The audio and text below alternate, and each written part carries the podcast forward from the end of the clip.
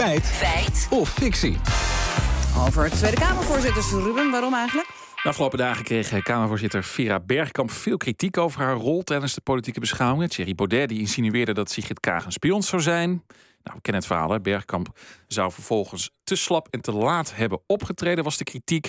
Nou, D66-fractievoorzitter Jan Paternotte is het niet eens met die kritiek, zei hij in gesprek met Sven Kokkelman. Ja, dat ben ik niet helemaal met u eens. Want zij Die heeft nou kritiek, juist- nou ja, het- zij heeft die kritiek is er. Nou, zij heeft als eerste Kamervoorzitter in volgens mij tientallen jaren... heeft zijn Kamerlid het woord ontnomen.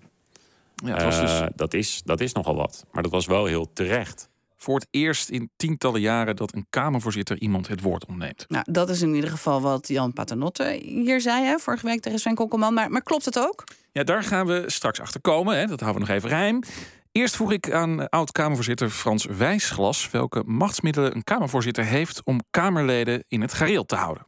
Er is eigenlijk een soort opbouwende trap, om het zo te noemen. Je kunt als voorzitter eerst een Kamerlid verzoeken zijn of haar woorden terug te nemen. Tweede is, als het Kamerlid dat niet wil, om dan het woord te ontnemen. Dus te zeggen, ja, eh, u stopt nu, u, eh, u heeft het woord niet meer.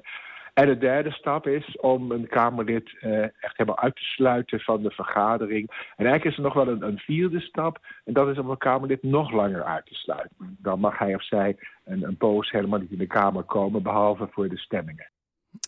Oké, dat gaat dus eh, over stap 2. Een Kamerlid het woord ontnemen. En dat is dus de afgelopen tientallen jaren niet gebeurd. Nou, dat vroeg ik aan Bert van den Braak, hoogleraar parlementaire geschiedenis. Is hij verbonden aan het Montesquieu Instituut? Hij zegt dat Paternotte wel iets over het hoofd ziet. Nou, hij eh, was eh, vergeten, denk ik, dat er ook in juli dit jaar door zijn, notabene zijn partijgenoot en fractiegenoot Paul van Menen, die was waarnemend voorzitter van de Kamer, die heeft eh, woord ontnomen aan eh, Gidi Marcusoa toen hij eh, het kabinet beledigend betitelde. Ja, Marcus Sauer van de PVV die noemde het kabinet een enge ministerploeg.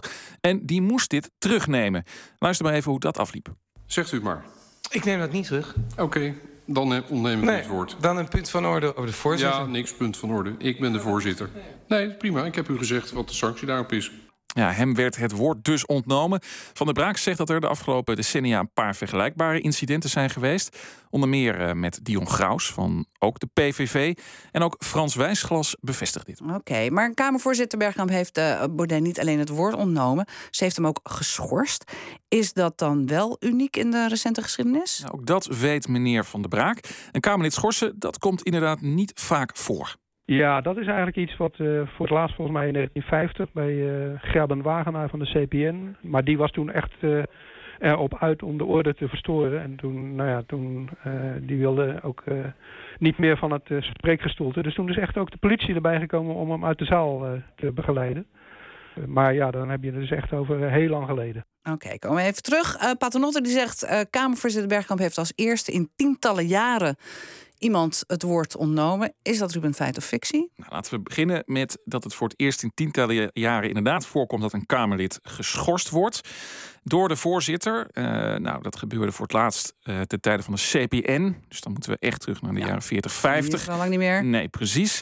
Maar ook de afgelopen jaren hebben Kamervoorzitters meerdere keren een Kamerlid een woord ontnomen. Dus de uitspraak van Paternotte is